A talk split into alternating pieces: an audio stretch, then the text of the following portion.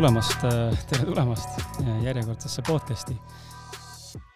episood on vist juba, jaa, ma ütlen kogu aeg, me läheneme kolmesajale, aga lähenemegi vaikselt lihtsalt. Ehm, mina olen Kris, tervitan sind järjekordsesse episoodi. täna samuti istun koos külalisega, viimati istusime üksinda siin, ma ei mäleta, millal, sellest on väga-väga palju aega möödas.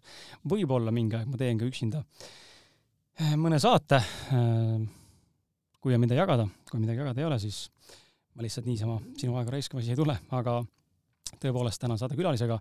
tutvustust äh, tänase saate külalise Heleni kohta saad lugeda siis äh, vastava podcast'i platvormi kirjeldusest ja samuti ka Instagramist, Kris Kala omast ja ka Facebookist, mis on siis Kris Kala podcast, et sinna on siis pandud üles tõenäoliselt pilt ja see saate postitus äh, koos siis viitega sellele saatele, kus sa selle leidsid tõenäoliselt ka, nii et mine loe uudiste uuri, äh, tekib väike äh, back ja taustainfo, kellega tegemist on.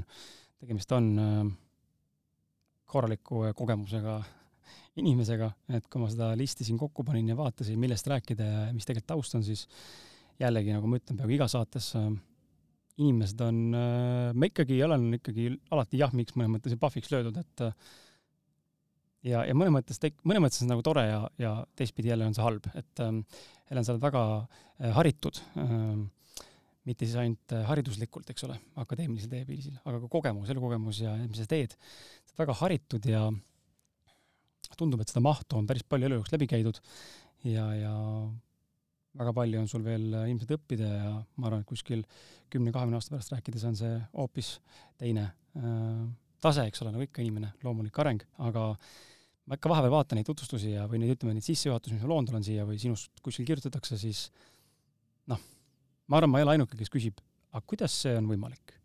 kuidas nii palju üks inimene jõuab, äh, siis hakkad ennast võrdlema, eks ole, see on see halb pool, on ju, et mis meil see ühiskondlikult tekitatud on. me kipume ennast võrdlema, on ju, automaatselt. ma olen sellest siin saates palju rääkinud. Äh, see on nii hea kui halb, mõne jaoks motiveeriv, teise jaoks jällegi laastav, on ju. Kuidas sinule tundub, äh, kas äh, kas sa oled selline overachiever või, või, või väga high achiever äh, või saavutaja, eks ole, eesti keeles, kõrgelt saavutaja, kõrgelt panustaja, kõrgmängur siin elus või sa oled pigem, on see kõik tulnud sellise tagasi vaadatuna, ütleme nagu lepase reega või voolavalt, et ei ole väga hullult sellist pingutust olnud või nagu väga tõsist sellist äh, saavutusjanu olnud? tšau ka sulle! jaa, tšau on äh, nii ühte kui teist. Äh, mul kindlasti on olnud äh, saavutusjanu ka, ma olen teinud väga palju, väga palju tööd, aga mind on kogu selle aja lükanud justkui selline uudishimu elu vastu. mind on tohutult huvitanud äh, kõik teemad, mida ma olen äh, elus õppinud äh, ja kõik, millega ma olen tegelenud. et äh, jah, seal on ühe, ühest küljest äh, on ka selline jah, selline saavutusvajadus, aga teisest küljest on ikkagi selline, selline meeletu, meeletu drive. aga kas see drive äh, on nagu loomupärane või see on õpitud või sa oled kohanenud mõnes mõttes ütleme, kui sul on social peers pressure või siis nagu sotsiaalselt ümber olevate inimeste surve mõnes mõttes, et sa oled ümbritsetud inimesed, kes on väga edumeelsed olnud või, või väga palju tahtnud saavutada või oled tulnud perekonnast, kus on olnud perekonnas selline mõnes mõttes äh, mitte siis ainult nagu saavutusvajadus sildina, vaid, vaid just see, et soov nagu midagi korda saata, õppida, areneda, kasvada või, või kuidas sa sinu puhul nagu ennast nagu niimoodi vaates näed? E esimesena ma reageerisin selle peale, kui sa ütlesid, et soov õppida, areneda mm, -hmm. kasvada, sest et mu ema on olnud mulle hästi suureks eeskujuks. et öeldakse ju, et käbi ei kuku kännust mhm. kaugele, onju. et ema on mul olnud sama, samasugune tegelikult kogu aeg õppides, arenedes, kasvades, ähm, on hästi suur eeskuju mulle olnud. tuleme, hakkame radapäidi minema siit äh, tänase saatega, meil siin siin vaatan teemasid. On meil tegelikult kolm suurusjärgus, meil on siin natuke sinu tausta, millest me alustame saatega, siis on meil traumad ja lõpetame siis äh, tõenäoliselt hingamisega. Ja sinna sisse ilmselt mahub neid teemasid, alamteemasid veel ja veel, aga lähme siis esimese sellise küsimuse juurde, mis ma olen meile siia koostanud või sulle koostanud. räägi, kuidas on saanud äh, ühest sellisest ärihaist või, või ettevõtjast? või ettevõtlushimulisest äh, naisterahvast äh, ja hariduselt finantsjuhtimise spetsialiseerumisega TTÜ magistrist tervisega tegelev inimene. mis on see teekond olnud ja, ja kuidas sa nagu tagasivaatavalt näed seda, et kust toimus see shift ja miks see toimus? ärihaiks ma ennast üldse ei pea, aga mulle, mulle nii meeldib see, see, et see selles küsimuses oli.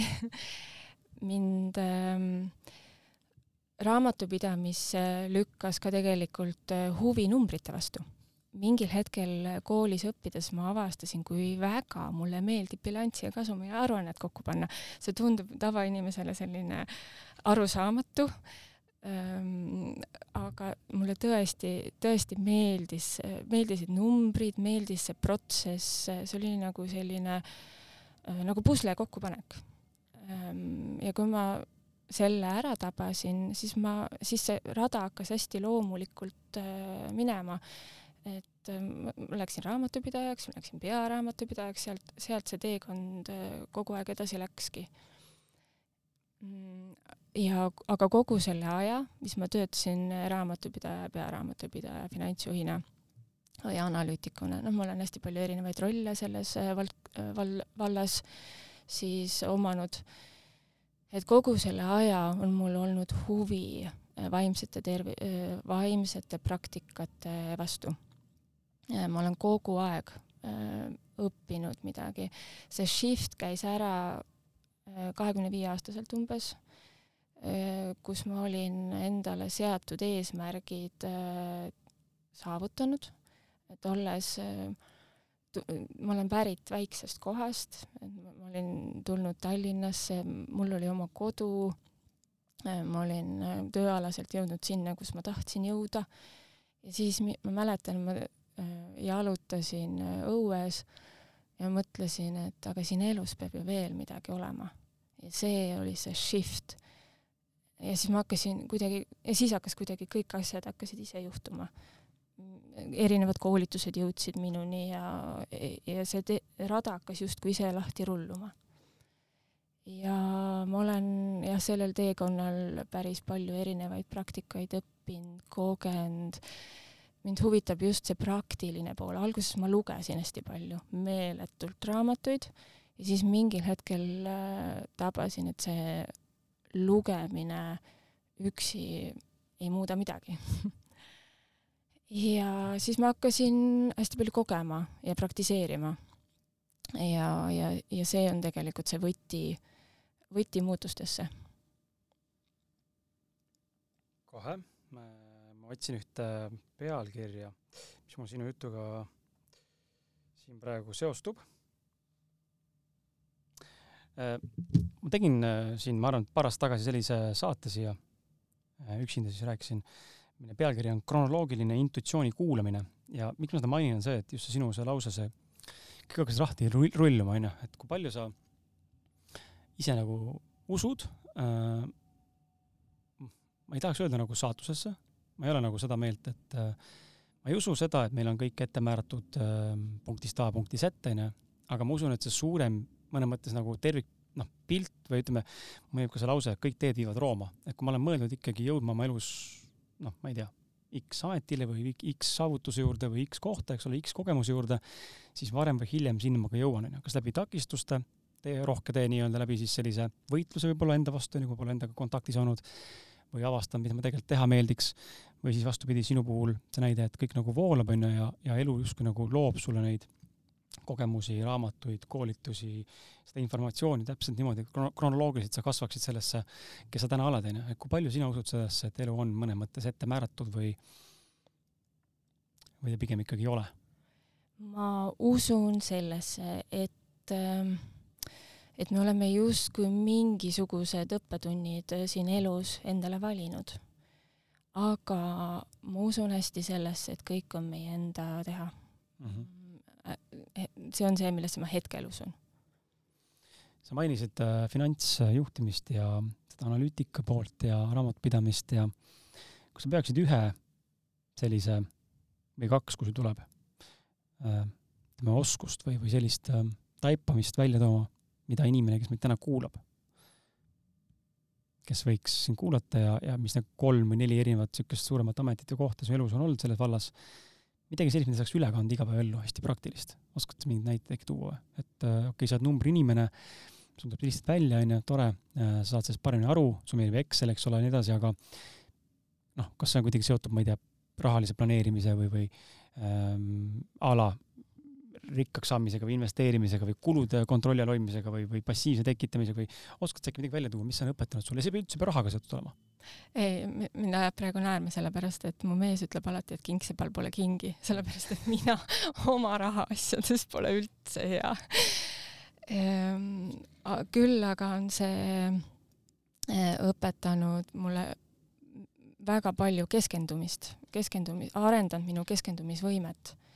et see on äh, tänapäeva maailmas tegelikult väga oluline, sest et see, see, see tänapäeva kiire elutempo ja pidevalt äh, muutuvad ek-, pildid ekraanil, eks ju ähm,, on äh,, ei mõju väga hästi meie keskendumisvõimele, et ma tunnen, et see on äh, mind väga palju äh, arendanud ja kui inimene peaks tahtma enda keskendumisvõimet parandada, siis sinu kogemuse järgi võiks justkui soovitada seda, et tegele numbritega? mitte, mitte üldsegi ainult numbritega, see võib olla ükskõik milline teine tegevus, mis vajab keskendumist mm -hmm. Ja mis inimesele sobib. et jah, usun ka hästi sellesse, et äh, ei ole selliseid, ei ole sellist ühte võluvitsa või ühte lahendust, mis sobib kõigile. et me oleme kõik nii erinevad ja meil kõigil on oma, oma rada Ehm, nii et, et jah, vaata, mis, soovitan jah vaadata, mis sulle endale sobib. kas selleks, et olla mingis ehm, vallas nagu tipp või, või edukas, jälle see on väga defineeritav, edu on ju, kuidas keegi defineerib seda, aga võtame praegu täpselt nii, nagu sul endal sinu jaoks on ja mina siis üritan seda küsimust koostada enda nagu edu perspektiivist lähtuvalt ja kuulaja siis vastavalt enda nägemusele, aga kas sa oled nagu seda meelt inimesena, et äh, neid miinuseid ja puudujääke tuleks korvata ja sta-, stabiliseerida ja tasakaalustada oma tugevustega või tuleks elus mõne mõttes seda rõhku jõuliselt suunata sinna, milles sa tegelikult oled juba tugev ja seda veel omakorda arendada? Äh, pigem viimane mm, -hmm. küll aga ähm,, küll aga ma usun sellesse, et kui mingisuguse asja ees on hirm äh, ja sa, sa ei ole näiteks selles tugev, eks ju, aga see keha nii tugevalt reageerib sellele, siis seal võib olla see, see selline võti või võimalus, äh, äh, mida ära kasutada. et, et noh, selles mõttes see, siin ei ole ka nagu sellist ühte vastust, aga noh, üldiselt ma ikkagi tunnen seda, et rõ-, rõ-, mm, peaks keskenduma oma tugevustele. see tõid mõttes hea näite, ma toon selle enda, enda nagu näite juurde, et ma kolm aastat tagasi, kolm pool aastat tagasi äkki läksin ühte ettevõttesse siis tegevjuhi rolli. ma ei olnud midagi nagu enne, noh, ma ei ole juhtiva positsioonil niimoodi ei olnud äh,, ainult mingites äh, jaekaubanduskettides võib-olla meeskonnajuht või, või tiimijuht, eks ole, osakonnajuht, aga minna nagu ettevõtte juhiks äh, null kogemusega, mul on väga, väga tore, et see mulle võimalus anti, aga sel, enne seda ma olin ka ettevõtet teinud, enda, enda ettevõtet, aga noh, ütleme niimoodi, et see ei olnud nagu, ei midagi nagu väga müstilist. ja seal ma küll äh, nägin seda kohta, mis sa just kirjeldasid, et oli hirm numbrite ees, need tabelid, Excelid, eks ole, kõik see bilanss, kasum, tulu, kulu, onju. ja see mõnes mõttes oli selline hästi ebameeldiv äh, ja ma nägin, et ma pidin hästi mehaaniliselt seda kõike õppima, aru saama, sest minul ei olnud sellist loogilist, noh, see ei olnud minu jaoks nagu loomuomane. ja kõik, mis see omanik siis või partner üritas mulle edasi kanda oma kogemuse pealt, olles ise väga edukas ettevõtja teistes ettevõtetes ka siis see kõik tuli mulle hästi robotlikult, mingi asi oli loogilisem, aga kõik, mis puudutas numbrit ja niisugust finantsi poolt, noh, haridust vastavat tegelikult ju sellel ei ole mul ja, ja loomamaalase ka mul ei ole. ja siis selle omandamine või, või selle oskusest läbinägemine oli korralik teekond ja katsumus ja vahepeal isegi tekkisid niisugused mõtted, et aga fuck that, vaata noh, et ma ei, ma ei tahagi, ma ei taha, noh, see on nagu nii vastik, et ma nagu lihtsalt ei oska ja ma ei, ei hakka mitte kunagi oskama. ja, ja ma arvan, et läks võib-olla niisugune mingi ma arvan, aasta oli, käis mul sihuke, sihuke mõnes mõttes äh, treenimine ja, ja pidev äh, sellise noh, enda tausta muidugi alati oli see tunne, et ma olen ikka täis loll inimene, ma ei saa mitte midagi aru lihtsalt. noh, ma räägin no, ausalt, see ongi see tunne, et tekib siukene alaväärsuskompleks tekib mõnes mõttes onju, kuidas ma aru ei saa, noh, see on ju tegelikult nii loogiline, kui ta räägib, ma saan aru, aga üksi hakkad tegema, siis no ei jõua kohale noh. vahid neid numbreid ja, ja siis aru ei saa onju. aga jah, umbes aasta läks aega, ma arvan, kuniks ma hakkasin nagu aru saama, tekkis see arusaamine päriselt, informatsioon siis nii-öelda nagu siis talletus mõnes mõttes ja tekkis koht, kus seda rakendama hakata ka. Ja täna noh, ma ei ütle, ma nüüd mingisugune hull spetsialist olen kindlasti mitte, väga palju on õppida, aga ma näen nagu tohutut suurt arengut, onju. et see on hästi huvitav, et sa mainid jah seda, seda poolt, et äh, kui seal on mingi selline noh, valukoht või, või hirm, onju, siis võib-olla tasub sinna ikkagi vaadata, et mitte nagu eirata, vaid see võib olla väga hea kasvukoht ja lävepakk just, just. noh, need, see olukord, mida sa kirjeldasid, ma olen väga palju ka ise nendes olukordades olnud, kus mul on vaja olnud mingisuguseid aruandeid kokku panna või mingeid analüüse teha ja mul pole õrna aimugi, kuidas seda teha ja siis ma lihtsalt istun ja ja, ja, ja kümme korda loobun ja, ja, ja ma ikkagi teen selle lõpuks ära, onju, nii et. ja veel hästi ka see on väga huvitav teema, inimene on tegelikult äh,, mulle hästi meeldib inimeste puhul ja enda puhul ka näha seda, et me David Coggins, ma ei tea, kas niisugust inimest tead, tumedanahaline meesterahvas, soovitan sulle tema raamatut äh, ja kuulajatele ka, David Coggins raamat äh, Can't Hurt Me, äh, paar aastat vana raamat, aga tema nagu hästi mõnes mõttes nagu vulgaarselt ja, ja võib-olla liiga ekstreemselt toob esile selle, mis on see inimese tegelik potentsiaal. kui palju me suudame tegelikult ennast push ida üle selle lävepakku, onju, kus mõistus hakkab vastu rääkima, ma enam ei suuda, ma ei oska, ma tahaks loobuda, onju. aga tegelikult sa ikkagi saad ja suudad, onju, kui sa ennast push'id noh, ma olen mõnes mõttes selle, selle metoodika meelt äh, ja mööda, äh, aga samas kuskilt jookseb minu jaoks ka piir, et ma sado, nii sadomaso ei ole, aga, aga tema jaoks jällegi see noh, minu jaoks tema sadomaso on tema jaoks normaalne, onju. ja ta vaatab, et ma olen sihuke vussuke, kes midagi teha ei taha, onju, et inimesed hästi erinevad. aga just see pool, et äh, noh, me tihti kipume ennast alahindama ja ma ei tea, kust see tuleb, kas on see enesesabotaaž tuleb sisse, onju ma ei tea, palju sinul selle kogemust on, et äh, ja kas oskad äkki tuua nagu näiteid, et noh, sa tõid praegu näite, et hakkasid tegema mingeid asju, eks ole, sa isegi ei olnud ettekujutus, kuidas neid asju valmis teha, aga need lõpuks pusisid ja said hakkama, onju. kas on mingisugune üks selline asi, mida sa oskad välja tuua äkki inimestele ja kuulajatele täna mm,? mis oskused või omadused äh, isiksusena siis tuleks kasuks sellistes olukordades, kas see ongi nagu järjepidevus, on see kannatlikkus, on see, see, see, just nimelt see mõnes mõttes nagu äh, loomupärane ja teistpidi sunniviisiline heas mõttes või forsseeritud selline õppimishimu, et noh, ma pean lugema või uurima, muidu ma ei saa, noh, ma ei tea, siis ma ei tea, järelikult ma pean uurima, onju. või küsima abi kellegi käest, et mis mis see nagu välja tooks, et kuidas saada üle nendest sellistest takistustest, mis tulevad teele. Need ei pea olema ainult ametialadega seotud, vaid elus on ikka igasuguseid probleeme esile tekib, et kuidas nendest üle nagu minna, kui see on ebamugav lihtsalt mm,? ma arv, ma ütleks esimese asjana ikkagi järjepidevus järjepidevus, järjepidevus, järjepidevus, mitte alla anda. Ehm, ja, ja see, millest sa enne rääkisid, eks ju, et kui palju me ennast saboteerime ja mm, siis selles osas äh, mul oli mingi aeg äh, elus, kus ma mitu aastat järjest äh, vaatasin erinevaid podcast'e, uurisin hästi palju se selle kohta, et mis teeb ühest äh, ühest inimesest sellise nagu erilise inimese või mis on see, mis see, mis on see miski, mis äh, mille puhul siis on võimalik selliseid erakordseid saavutusi saavutada või, või teha midagi sellist, mis muut-, tundub teistele uskumatu. X, X-faktor nii-öelda inimese sees. et mis see siis on, eks ju.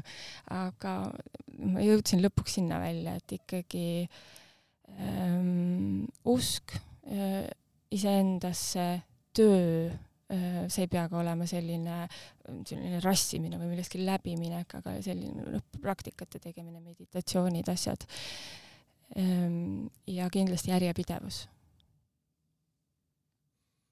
ma arvan, et see järjepidevus võib-olla on selline kõige, noh, mõnes mõttes järjepidevus mõnes mõttes jookseb paralleelselt ka selle kannatlikkusega, onju, et see mm, -hmm. mitte siis kannatamisega, nagu paljud tahavad öelda, kes kannatab, see kaua elab, onju, vaid kes on hästi kaua kannatlik see võib-olla kaua elab, onju, aga aga et jah, see jookseb käsikäes, et ikkagi asjad võtavad aega, eriti kui sa teed midagi järjepidevalt, siis sa teed seda ju väga kaua aega, onju, selles mõttes on see patience või see kannatlikkus oluline faktor, et aga seda ei ole väga, mulle tundub, et viimasel eriti nüüd, kus seda, just nimelt, mis sa enne mainisid ka, seda ekraani, onju, on hästi palju, infot tuleb igalt poolt peale kõigil on äh, iga päev uus teooria milleski onju, iga valdkond areneb nagu noh, ööpäevaga juba uued avastused onju, piltlikult öeldes. võib-olla mitte nii mustvalge, aga, aga peaaegu ja see võib-olla tekitab mõnes mõttes sellise tunne, et, et äh, tahaks kohe nüüd ja praegu. sest muidu on FOMO onju, muidu on hilja mm. -hmm. on küll kõik on must möödas juba no, no. ma ei teagi, mis see mis see lahendus oleks nagu, et võib-olla siin saate lõpus jõuame selle hingamise meditatsiooni juurde, võib-olla see on see koht, kus saab ennast rahustada, meelt vaigistama hakata. aga kui palju sa ise näed seda enda puhul, kas see on nagu, nagu mõjutav faktor, mis sind äh, mõnes mõttes siis pärsib sinu eduelamust või, või edu sellist tegevust või pigem oled suutnud enda jaoks leida tänaseks sellise keskme, kus sind ei häiri see, et ümberringi on, ma ei tea, tuleb samast valdkonnast või samast äh, samast äh, teemadest inimesi, kes on sinust justkui paremad, uued konkurendid, äh, ma ei tea, turg on mitmekesisem, eks ole, teemad lähevad veel rohkem laiali, saab minna veel rohkem süviti, uued harud tekivad. kas see on põnev või see on pigem, tekitab sinus sellist nagu ahastust? ahastust mitte mm,, pigem on põnev. Mm, ja ma leian, et äh, kui me räägime nüüd sellisest hingamise ja meditatsiooni maailmast, eks ju, siis mida rohkem neid inimesi on sellega tegelemas praegu, seda parem on. sest et äh, inimestel on seda kõike praegu väga vaja äh,. sest et noh, nagu me teame, eks ju, vaimne tervis on äh, vaimse tervisega on äh, probleeme palju inimestel praegu ja füüsilisega ka äh, loomulikult, nii et et mida rohkem teadlikkus kasvab ja inimesed reaalselt praktiseerivad neid asju, seda parem on. tuleme mm, natukene siit sellise täiendi alternatiivmeditsiini juurde, et mulle siin on küsimus koostatud ka selle kohta ja, ja tegelikult tahaks natuke rohkem kuulda ka sellest, mõnes mõttes on see siis sissejuhatuseks ka selliseks järgmiseks selleks suuremaks teekonnaks, kus sa täna siis tegelikult oled ka, onju, et Ricardia tegevjuhina sa toimetad täna. Ja tahaks nagu natuke rääkida, mis see Ricardia on, aga enne kui selle juurde jõuame, ja, ja üldse sinu teiste rollide juurde, mis siis täna on äh, aktuaalsed, oleme aru saanud, et äh, et äh, täiend- ja alternatiivmeditsiin on aidanud ka sind ja tegelikult ka sinu teatud pereliikmeid, et mida sa selle silmas pead ja, ja oskad sa äkki nagu tuua näiteid, kuidas ja, ja kuidas üldse võib-olla selleni ütleme, niisuguse täiend- või alternatiivmeditsiinis üldse jõudsid? Sest noh, jälle, võib-olla ma teen nagu liiga siinkohal mõnele kuulajale, võib-olla ka sulle, Helen äh,, mitte siis tahtlikult, aga hinnanguliselt ja eeldustepõhiselt, on ju, et kui vaadata sinu tausta, oled sa väga akadeemilise taustaga inimene üsnagi, on ju, ja nüüd minna nagu alternatiivmeditsiini peale, noh, tavaliselt ikkagi akadeemi, akadeemikud üldiselt ja mitte üldse halvustada, akadeemikud üldiselt on lääne meditsiini väga science-based nagu baasil, eks ole, ja kõik, mis on alternatiiv või, või holistiline või selline natukene esoteerika maiguga mm,, nendele väga see nagu maailmapilt üldse ei sobi, see ei lähe kokku sellega, onju, seal on kohe nagu käärid ees, ehitatakse äh, igasuguseid tõrkeid, onju, ja, ja heidetakse asju ette. et niisugune tohutu võitlus on, aga, aga sinu justkui noh, sellest sisust ja sind vaadates siis on aru saada, et sa oled ilmselgelt olnud avatud ja selles suunas ka täna liikunud, onju, ja liigud, onju. et natuke räägi seda teemat, kuidas see, kui raske sul see oli või kuidas see sinuni jõudis, olid seal mingisugused komplikatsioonid enda sisemaailmas, sisekõnes või, või kõik on väga olnud selline, et jess, davai, üliloogiline, lähme ja nagu ma enne ütlesin, siis ma olin äh, umbes kahekümne viie aastane, äh, kui mind hakkas huvitama see, et siin elus peab veel midagi olema, hakkasin õppima erinevaid äh, praktikaid. alustasin Silva meetodiga, siis tulid järjest siin transcendentaalne meditatsioon, reiki, jõudsin joogani jooga on mind hästi-hästi-hästi palju mõjutanud. Äh, jooga puhul ka just see järjepidevus. Äh, olen seda praktiseerinud aastaid ja kui ma arvasin kunagi, et no minu keha küll mitte kunagi painduma ei hakka siis joogat tehes ma nüüd näen, et see paindub ja see on väga-väga kihvt, kihvt tunne. Siis jõudsin äh, Kristiina Raie koolituseni, seda, seal ma õppisin paar aastat. ja, ja siis jah, lisaks siis veel mõningatele väiksematele asjadele, siis biodünaamiline hingamine, traumavabastus on see, millega me siis tänasel päeval äh, siis peamiselt äh, tegelen lisaks Ricardiale. Ja miks Ricardia sai loodud? Ehm, sellepärast, et jah, ma olen kogu aeg, nagu sa ütlesid, et ma olen selline avatud olnud äh, seal su-, korporatiivmaailmas. ja, ja kui ma nägin, et äh, mind need praktikad nii väga aitavad ja rääkisin sellest oma kolleegidele siis, siis sealt tuli tavaliselt hästi palju küsimusi ja mingil hetkel ma tundsin, et oh, ma ei jõua, justkui, et ma ei, ma ei jõua piisavalt palju sellest rääkida või piisavalt paljudele inimestele, et võiks olla selline koht, kus need praktikad on lahti selgitatud, kuhu on toodud siis selline tõenduspõhisus juurde ja kust saab ka aegu broneerida hästi kiiresti ja lihtsasti praktikute juurde. sest et kogesin ise seda, kui keeruline on, on leida äh, terapeuti või praktikut ja siis tema juurde aega broneerida, et kui sa ta ka sealt internetiavarustest kuskilt leiad, äh, siis hakkab see edasi-tagasi meilide või sõnumite saatmine ja noh, kiire elutempo juures äh, võib vahel juhtuda ka see, et see, see seanss jääb lihtsalt olemata, sellepärast et et neid meile on edasi-tagasi liiga palju või, või ei leitagi seda ühtaega. et see oli see, need on nagu peamised põhjused, miks Ricardi sai loodud. aga jaa, mind ennast on need äh, praktikad meeletult aidanud nii palju, et mu perearst ütles siin aasta aega tagasi, kui me temaga kohtusime hoopis teise, teisel põhjusel, et ma ei tunne sind siis ma mõtlesin, et oh, mõtle natukene, selline nimi peaks sul ikkagi nimekirjas olema. Nii et jaa, kõik see tervislik toit, liikumine, erinevad praktikad tõesti võivad või noh, on hästi suureks abiks igapäevaelus ja mm, oma laste puhul ma olen näinud, kuidas äh, olen saanud kogeda, kuidas Reiki võib ka tavameditsiini arste äh, nii-öelda jahmatama panna et need tulemused äh, võivad olla täitsa šokeerivad. kui ma oma esimest last äh, kolmteist aastat tagasi ootasin, siis kolmekümne kolmandal nädalal öeldi mulle, et et äh, laps ei kasva äh, nii, nagu peaks. et ta kasvab küll äh, pikkusesse, aga juurde ei võta. ja et, ähm, et kui see asi siin kahe nädala jooksul ei parane, siis tuleb sünnitus ennetähtaegselt esile kutsuda.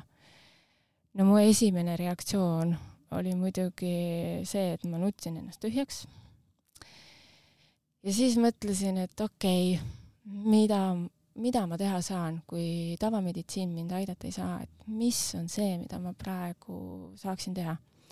ja tol ajal oli Tallinnas olemas lausa Reiki kliinik. ma läksin sinna, me tegime kuuri ja kui ma kahe nädala pärast tagasi läksin, siis arstid küsisid mida te vahepeal teinud olete, sest laps kasvab täiesti normaalselt jälle, et tal on küll see selline, selline nädalane või kahene, näha on, et ta on jäänud maha natukene, natukene on väiksem, aga, aga ta kasvab jälle.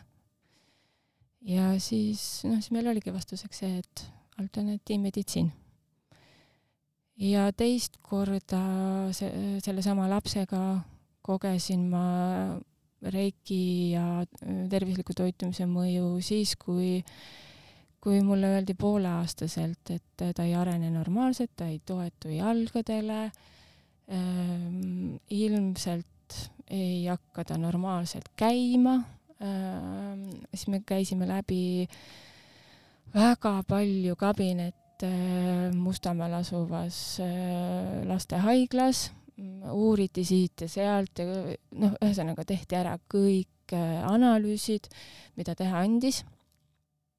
ja, ja siis öeldi, et me oleme teinud kõik, ainult üks analüüs on veel teha, et silmapõhja analüüs. siis ma küsisin, et mille jaoks see vajalik on. ja ainus vastus, mis ma sain, oli see, et siis on kõik analüüsid ühes kohas ja see ei olnud minu jaoks piisav. Ja sellel hetkel äh, käis minust plõks, et ma pean ise võtma vastutuse enda ja oma lapse tervise eest, et ma olen hästi-hästi tänulik tavameditsiinile üldse mitte valesti mõista, sellepärast et kõikide luumurdude ja ja teine, teise lapse sünnitus läks keisriks, et noh, et tavameditsiin on, on omal kohal, aga et lihtsalt ma näen, et me ei saa äh, et tavameditsiin ei saa alati aidata ja me ei saa ignoreerida neid teisi võimalusi, mis tänasel päeval on. nii et, et jah, selle, sel teisel korral oli samamoodi, et me tegime reiki kuuri ähm,, lisasin ähm, erinevaid vitamiine menüüsse ja käisime massaažis ja siis ühel hetkel küsiti meilt jälle, et mis te teinud olete. et laps on täiesti normaalne laps. nii et, et ähm, jah, need on võib-olla kõige sellised äh, suuremad vau-efektid äh, minu elus, kuidas need äh, praktikad aitavad. aga neid on hästi palju veel väiksemaid, tõesti väga palju ähm,, mida ma olen näinud oma mehe peal, mida enda peal. nii et neid lugusid on palju tegelikult. aga mis sa nagu arvad äh,? Mis see põhjus võib olla? et teinekord näiteks äh, alternatiivmeditsiinist on nagu rohkem abi, noh, vaata seda, seda on nagu raske mõnes mõttes mõõta ka, me ei oska täna võib-olla seda mõõdistada, võib-olla pole piisavalt äh, tööriistasid või, või vidinaid või, või, või meetodeid, kuidas neid asju mõõta, aga, või osata mõõta, aga, aga mis sa ise arvad, mis, mis, mis seos seal võiks nagu olla, miks see on niimoodi, et teinekord selline holistiline pool või alternatiivmeditsiin või traumadega tegelemine ehk siis psühholoogiline tegelikult mingi lahendus võib viia ka vabalt mm, füüsilise keha ja, ja füüsiliste ütleme siis organite tervenemisele. mulle hästi meeldis üks artikkel, mida ma hiljaaegu lugesin, kus, kus mainiti seda, et äh, tänapäeva tavameditsiin on arenenud peamiselt äh, laipu uurides ehk siis seda füüsilist keha uurides, aga see jätab tähelepanuta meie eeterkeha, ähm, meie mentaalkeha, energeetilise keha, eks ju. emotsionaalkeha. jah, mhm. jah. jah, et muudes äh, kultuurides ju arvestatakse selle eluenergia poolega ka, et see lääne meditsiin on, on põhimõtteliselt ainuke, mis sellega ei arvesta ja siit me jõuame siis otsapidi mõnes mõttes äh, kas siis kaudselt või otseselt, aga selle Ricarde juurde, et äh, ja noh, samuti siis sinu selle, mm, mis sa ütlesid mulle ka, ma otsin praegu seda biodünaamiline hingamine ja traumade vabastus, onju. et selle juurde ka, et äh, noh, saan aru, et sinu suureks kirjaks ja mõnes mõttes unistuseks on on need siis nii-öelda sinu poolt integreeritud äh, ja juhendatud ja õpetatud praktikad siis tervishoiusüsteemi tuua nagu ennetustegevusena, et ähm, ma parandaksin siin mitte jah ja,, et mitte ainult äh, minu, vaid noh, selles mõttes, et ähm, mõte on ikkagi hästi laialt, et äh, erinevad äh, praktikad, teraapiad mm -hmm, integreerida mm. -hmm. siuke kolle-, nii-öelda kollektiiv, mm -hmm. teisi tööriistasid mm. -hmm. kuidas sa nagu näed seda ette, et ähm, kuidas see peaks nagu juhtuma ja mis juhtub, kui see juhtub? mulle väga meeldib see, mis Tamm-nõukoda, täiend- ja alternatiivmeditsiini nõukoda on välja töötanud. Nad on töötanud välja kutsetunnistused. et ma näen kui hästi oleks võimalik nende kutsetunnistuste baasil põhimõtteliselt tekitada süsteem ja integreerida see süsteem siis ta, meie tava, tavameditsiini, jah, jah, viia nad kokku. no minu perearst on äh, on selline, kes on ise õppinud erinevaid asju ja, ja ta juba praegu soovitab oma patsientidele äh, juhtudel, kui, kui tavameditsiin või, või siis ravimid äh, pole õige lähenemine, erinevaid praktikaid või meetodeid. nii et, et tegelikult need väiksed sammud öö, äh, on juba alanud et kindlasti on peale tema veel palju erinevaid perearste, kes seda teevad. lihtsalt sellest väga palju ei räägita jah, sellega mingi sihuke nagu tabuteema mõnes mõttes ja eks me oleme siin ajaloos ju näinud ka nii mõnigi äh, arst, perearst ja, ja tippteadlane võib-olla on kaotanud oma nii-öelda siis nagu tiitli, eks ole, või elutöö justkui noh, maine rikkumise nii-öelda onju, kui ta on julgenud nagu vaadata siis väljapoole seda süsteemi ja, ja mõnes mõttes see on nagu noh, tegelikult see on ka äri, arusaadav. aga teistpidi jällegi vaadates siis ähm, noh, mulle tundub, et igal juhul see vist on muutumas, see on umbes võib-olla mõnes mõttes minule tundub täna sarnane äh, teekond, nagu on taimetoitlus, äh, mis vaikselt ennast nagu väga jõuliselt tegelikult sisse sööb, eks ole, ja ja, ja see lihtsalt võtab aega, aga üha noorem generatsioon tuleb peale, nendel on juba informatsiooni palju rohkem ja intuitiivselt võib-olla tuntakse ka, et see, mis oli siin noh, vanasti see ei kõneta mind, onju. et siis ma arvan, sealt mõnes mõttes on nagu loomulik selline noh, kõverik, mis läheb nagu stabiilselt, vaikselt äh, iga aasta, iga aastakümne onju või põlvkonnaga läheb selles suunas, et võib-olla siis mingi hetk meil on see väga nagu normaalne. ja võib-olla kaalukauss üldse kukub mingi hetk üle, onju, et me tegelikult see, see lääne meditsiin siis äh, jääbki ainult äh, füüsiliste vigastuste võib-olla nagu korvamiseks, onju, kui me just ei leia viisi, kuidas läbi eeterkeha enda füüsilist keha parandada, onju, mis on ka tehtav, nagu ma aru saan põhimõtteliselt, aga aga seda täna on nagu väga raske nagu näidata, onju. et äh, noh, siis, siis ta võib-olla kaalukauss kukubki selle poole, et see on siis selline, see on siis see häda, hädaabi, onju, kuhu tegelikult pöördutakse tuleme traumade juurde. võtame selle traumade peatüki ette, siin on kõige rohkem küsimusi mul moodustunud selle trauma peatüki kohta. ma olen oma podcast'i ajaloos rääkinud siin nende ütleme kolmesaja viiekümne episoodi jooksul kõikide podcast'ide peale kokku. Äh, traumadest ikka väga palju. Ja ja selge on see, et meil kõigil neid on, kõigil tekivad, ükskõik väga me ka ei püüaks seda vältida enda järglaste puhul, siis äh, teinekord ka äh, väga lihtne sõna vales toonis võib-olla, vale tämbri onju, vale mingisuguse maneeriga võib tekitada tegelikult meil alateadmata ja ka tegelikult sellele inimesele alateadmata mingisuguse trauma, mis täiskasvanu siis välja lööb ja siis hakkab ta seda kohta otsima onju ja tervendama, et äh, mis on sinu meelest trauma ja miks või kust tuleb sinu selline tugev, jõuline mõnes mõttes või kindel väide, et me ei saa end lihtsalt traumast vabaks mõelda mm? -hmm ja mis see tähendab üldse, et me ei saa mõelda või, või, või kas varasemalt sai või kust on selline nagu mõte tulnud mm,? ma hästi austan äh, doktor Peter Levini tööd ja tema on üle viiekümne aasta äh, traumat uurinud ja jah, ja te, selles mõttes mm, ma näen seda ka te tegelikult oma äh, töös BBTRS ähm, praktikuna, et äh, meie traumad tõepoolest on meie kehas.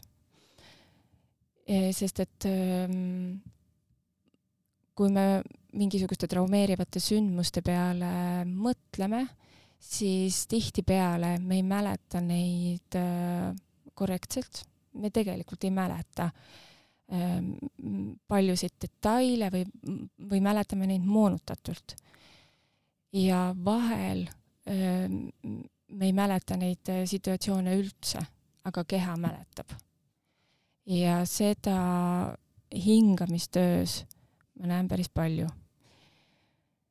ja hingamistöö puhul ongi see, see tore asi, et, äh, et pole vaja teada millise trauma me välja hingame või mis täpselt seal kehas on. peaasi, et see kehast välja tuleb. et selles mõttes on see, see hingamistöö võlu äh, jah, no selles mõttes ongi see selline hingamistöö võlu. aga mis, sa küsisid, mis asi on trauma mm? -hmm. trauma minu õpetaja definitsiooni järgi on lõpetamata võitle või põgene reaktsioon. Mm.. ehk siis eh, keha ehm, ehk siis mingil hetkel on meie närvisüsteemi jaoks midagi, mõni olukord või, või sündmuste jada olnud liiga palju. Ja me pole ja, ja me pole sellega hakkama saanud, siis ta jääb niimoodi nagu mm, justkui nagu kehasse kinni. sa mainisid, noh, tuleme korra selle hingamise juurde, et mulle lihtsalt tekib see küsimus, et miks on niimoodi, et traumadega tihti saab tegeleda läbi selliste kehaliste praktikate. kus see nagu seos on ja miks just nagu nendel praktikatel, kas hingamine või noh, võib-olla isegi mõni joogastiil võib tuua mingi trauma esile, eks ole, või näiteks ma jälgin siin ise juba üle, ma arvan, peaaegu kaks aastat jälgin ühte holistilist seksterapeuti välismaalt, et ka seksi orgasmiga võivad tulla traumad esile, onju, mis on siis peidus nii-öelda. et miks see on just niimoodi läbi, läbi siis selle kehalise tegevuse et äh, kuidas need tegevused siis nagu seda kehalist stiimulit annavad, hakkab vabastama, et sama hästi võiks ju siis minna ma ei tea, lähen surun jõusaalis rinnalt äh, kangi või, või teen kätekõverdusi või jooksen, et aga sealt traumad ei vabane. see ikkagi tundub, et on mingisugused kindlad spetsiifilised harjutused. Äh, sellepärast, et kehal on äh, selline loomulik kaitsekiht, mida läbi hingamise saab teha, on see, et murda sellest kaitsekihist läbi, et jõuda nende sügavate teemadeni üldse. me, meil on üldiselt mm, me tahame hoida eh, endale hästi neid traumasid heas mõttes onju, et, eh, et me oleme loonud sellise kaitsekihi ja läbi siis erinevate praktikate, mida saabki teha, on jah, sellest kaitsekihist läbi minna. ja endale hoidmise põhjus, ma oletan, on siis sel-, seisneb selles, et mitte endale rohkem hai-, valu tunda või, või just, just hakkamasaamise mehhanism on see lihtsalt. Survival põhimõtteliselt jah mm -hmm.. okei okay. ähm,, sinu üks põhisõnumitest on ähm, selline väide või mõte, et äh, tsiteerin siis sind äh,. kõik ei ole meie peas, ka keha hoiab meeles mälestusi erinevatest traumadest. et oskad sa äkki nagu tuua mingeid näiteid võib-olla, kui sul on klientidega olnud või enda pealt, kus sa oled äh, noh, kes kuulaja praegu kuuleb meid, saaks nagu aru sellest, et võib-olla samastuks ka, et okei okay,, et aa, et selline see võib ka olla või, ma ei teadnudki. noh, ma võin nagu tuua ühe näite, et äh, mul üks sõbranna, kes on siin saates käinud ka, aga ta on Ameerika autor, on väga veebi teel siis salvestatud üks saade. tema siis enda raamatus äh, rääkis, kuidas äh, ta alles kolmekümnendate keskel vist läbi mingisuguse, ma ei mäleta, mis, mis, mis asi see oli, see oli mingi ka alternatiivne mingisugune tegevus, praktika, ma praegu ei mäleta enam, aga see oli mingi arst, noh, mingi, mingi sihuke kiropraktiku või füsioterapeudi mingi sarnane, aga ta oli mingis muus kuues võtmes, kelle, kelle abil siis selgus see, et teda oli nelja-viieaastaselt vägistatud. Ja teist korda siis kuskil kuueteistaastaselt keskkoolis, ta ei mäletanud neid. noh, need on nagu nii ära sulgunud, vaata, et ta ei, ta, ta ise ei mäletanud, et see juhtunud oli, isegi kuueteistaastasena, mis tegelikult oled ju tegelikult üsnagi teadlik juba, äh, aga sealt siis teraapias nii-öelda tuli see välja ja sai sellega tegeleda. et ähm, kas need asjad, mis välja tulevad, on mu küsimus ka sulle, kas oskad veel tuua näite, eks ole, nagu ma tõin näite, veel tuua näiteid selliseid või ja teine küsimus on siis näiteks näidetel on see, kas sa oskad nagu öelda seda, et need, mis välja tulevad, kas need on alati relevantsed või mõnikord võib olla, kas see meil tuleb justkui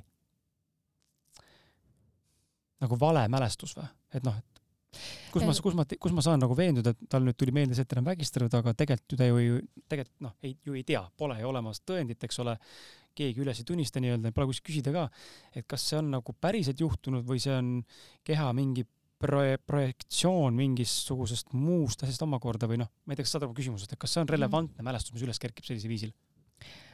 üldiselt, äh, üldiselt kui nad, jah, ma täpselt ei tea, millises, äh, millises äh, teadvuse seisundis see mälestus üles tuli, onju, aga üldiselt, kui nad tulevad jah, sellises muutunud teadvuse seisundis üles, siis nad üldiselt on relevantsed.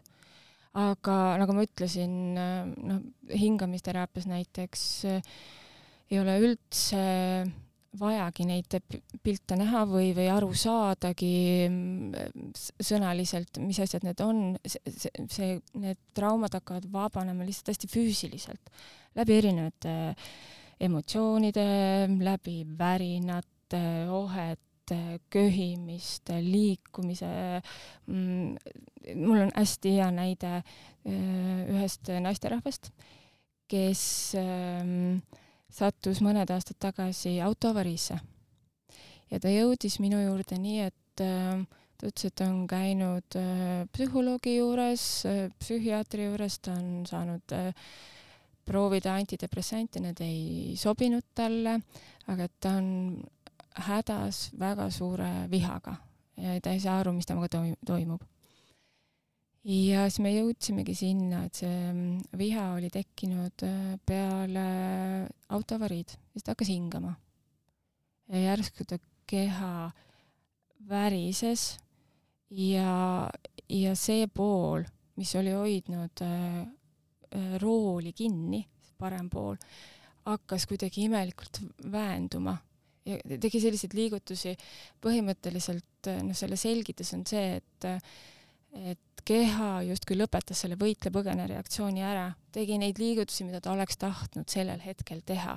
ja see oli nii mustvalgelt õpiku näide äh,. nii et ma olin tükk aega pärast seda veel, mõtlesin, et noh, et, et seal oli nagu väga konkreetselt näha, kuidas keha lõpetas seda võitle-põgene reaktsiooni aga no üldiselt nad on sellised ähm, mm, jah, üldiselt äh, inimesed nutavad või tuleb seal viha üles või või, ähm, või kehad värisevad hästi tihti, äh, lihtsalt äh, sellist nagu tardumist oma kehast lahti.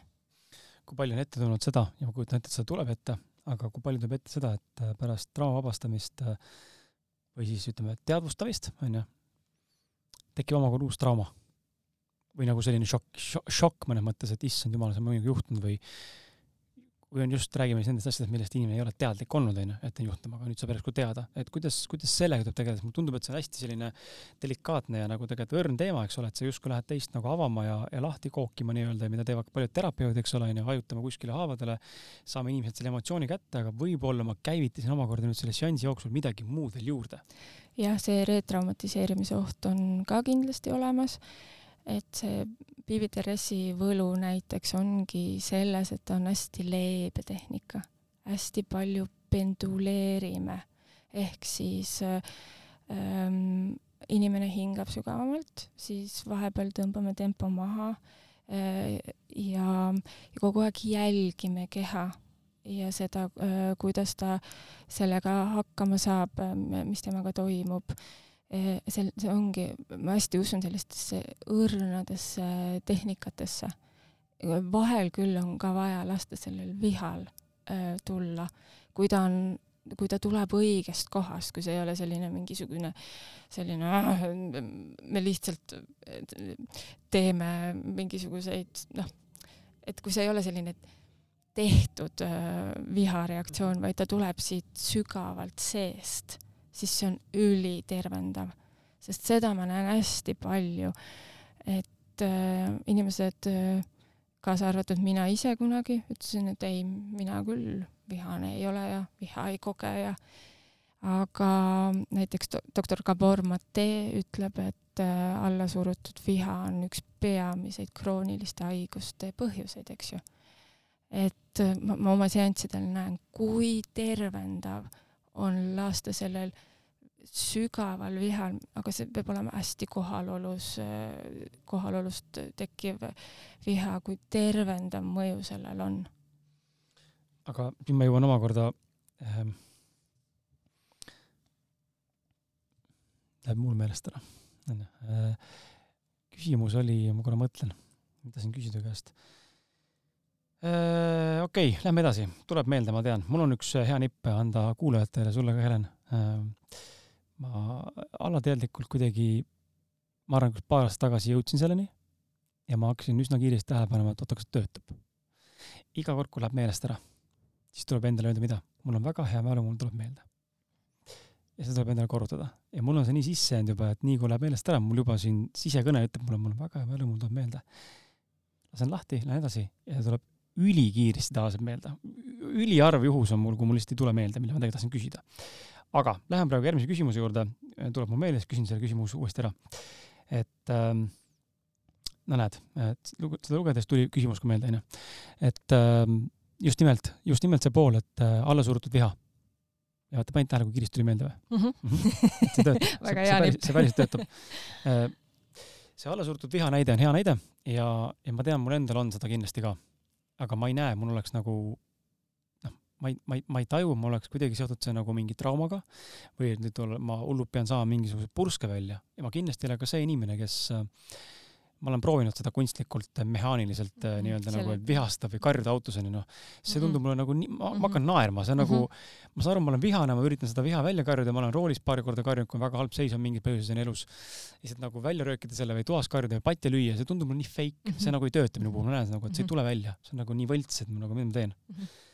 Ja, ja aga nüüd on küsimus, kuidas üldse aru saada, et inimesel tegelikult on allasurutud viha või et tal on mingisugune trauma, noh, me räägime nüüd juurpõhjuste leidmisest ja tuvastamisest.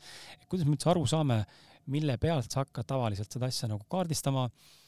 räägi natuke sellest protsessist võib-olla või sinu nägemusest, kuidas, kuidas selleni jõuda, kas üldse on võimalik jõuda individuaalselt, et ma teen tööd iseendaga, onju, ma olen väga eneseteadlik ja suudan ennast kõrvalt reflekteerida või ennast vaadata, onju või ma pean ikkagi minema kellegi teise juurde, kes suudab mind lahti kookida, sest ma ei pruugi ennast ikkagi kõrvalt näha ja tavaliselt me ei näegi ennast kõrvalt.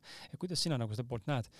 ja, ja, ja kuidas päriselt siis nagu aru saada, et aga näed, mul on äh, allasurutud vihaga probleem, onju, tore, kui ma tean seda, hakkan tegelema, aga kui ma ei tea seda, võib-olla mul on midagi veel, noh, et äh, kas sa saad peale vaadates öelda inimesele, vaat näe, ma näen, sul on seal mingi, seal on mingi sihuke asi, et hakkame siit surkima kuskilt, kuidas sa seda tunnetad seda? jaa, ei ma üldiselt seda niimoodi ei tee kunagi küll aga kui inimene tuleb, siis tema enda keha äh, juhatab, et minu roll äh, siis Bibiteres praktikuna on hoida ruumi ja jälgida tema närvisüsteemi, tema, tema, tema keha, et äh, inimene tegelikult ise hingab, et tema keha ise juhatab sinna, kuhu, kuhu ta peab seansi ajal jõudma, onju. aga see küsimus, et kas saab ka ise, noh, kindlasti saab nagu diagnoosida nii-öelda piltlikult ühes peale vaadata, seda näed, sul on seal see teema, lähme vaatame sinna. ei, selles mõttes, et äh, kas inimene saab ise ennast diagnoosida? jah, et. mul on see teema, et okei okay,, ma näen, et mul on mingi siuke värk no selles mõttes, et kui inimene ise tunneb, et tal on see süütenöör on võib-olla lühike, lühike või, või pigem on see, et ta on äh, tuim äh, ja ei tunne näiteks emotsioone üldse ähm,, ei aga mis see tähendab, kui inimene ei tunne emotsioone, oskad sa äkki tuua näite, mis see tegelikult tähendab, sest mul natukene, ma ja, toon nagu isikliku näite ka, mul elukaaslane natukene on äh, vahepeal selline, me oleme nagu arutanud selle üle ja ja ma tean, et see on okei okay,, kui ma sellest siin saates räägin, aga me oleme nagu arutanud seda ja mõtisklenud ja ta on nagu selline emotsiooni poole pealt apaatsem, vähem emotsionaalsem, nagu ei ole neid kõikumisi selliseid nii palju, ta on üsna nagu neutraalne või isegi ütleks nagu sellised kasutan sõna, depressiooni lävepakul, noh, ta ei ole, aga ma, aga, aga see, kui niimoodi mõõdistada ja kuskile kaardistada, eks ole, või paigutada, siis ta on sellise, sellise sellise alampiiri juures, kus tegelikult ei ole väga neid nagu emotsioone. Ja ta tegelikult tajub seda, ta on seda endale teadvustanud, et ta ei tunne nagu emotsioone eriti mis, mis see nagu inimese kohta öelda võiks või mille poole peaks hakkama vaatama, kas tulema siis, kui, kas ise saab sellega tegeleda või üles leida seda koha, et miks ma olen nii apaatne mõnes mõttes? noh, üldiselt kui on ikkagi suurem probleem, siis ma, siis ma soovitan hästi ikkagi leida enda jaoks mõni terapeut või praktik. aga aga kus hetkest on see probleem üldse, ma mõtlen, et mis, mis hetk, kuidas ma mis hetkest on probleem? kus ma kaardistan no, võib-olla olengi ikkagi, inimesena emotsioonitum. kui see elu segab mm. -hmm kas siis teda ennast või, või, või mõjutab see teie paarisuhet, et mina leian seda, et kui see ikkagi elus segab või on mingisugune konkreetne füüsiline sümptom juba või, või noh -hmm. midagi, mis, või on juba mingisugune sümptom. okei okay., ja see on võib-olla hea, hea indikaator, mida kanda, kui see hakkab nagu segama su igapäevaelu mm -hmm. ikkagi. noh, ja segamise all me siis ähm, ei tunne ennast hästi ja, või, või on mõtlemises pidevalt või? jaa mm, -hmm. või tõesti noh, segab paarisuhet või, või ei suuda keskenduda või, või noh, selles mõttes neid või on uni häiritud, äh, keskendumisvõime häiritud, kas ma seda juba ütlesin? jah, või on madal, madal madal sooritustase või? just, just, just, just, et äh, jah, tasub vaadata, kas on mõni konkreetne probleem juba. okei okay mida nimetatakse somaatiliseks teraapiaks ja kuidas toimib äh, kehaline tee sellisel viisil siis psühholoogilise tervenemiseni? soma tähendab keha ja somaatiline teraapia on siis kehapõhine teraapia mm. -hmm. ehk siis lähenetakse läbi keha, ongi kõik siis hingamisteraapia, erinevad liikumisega teraapiad, kõik, mis, mis, mis on siis kehaga seotud.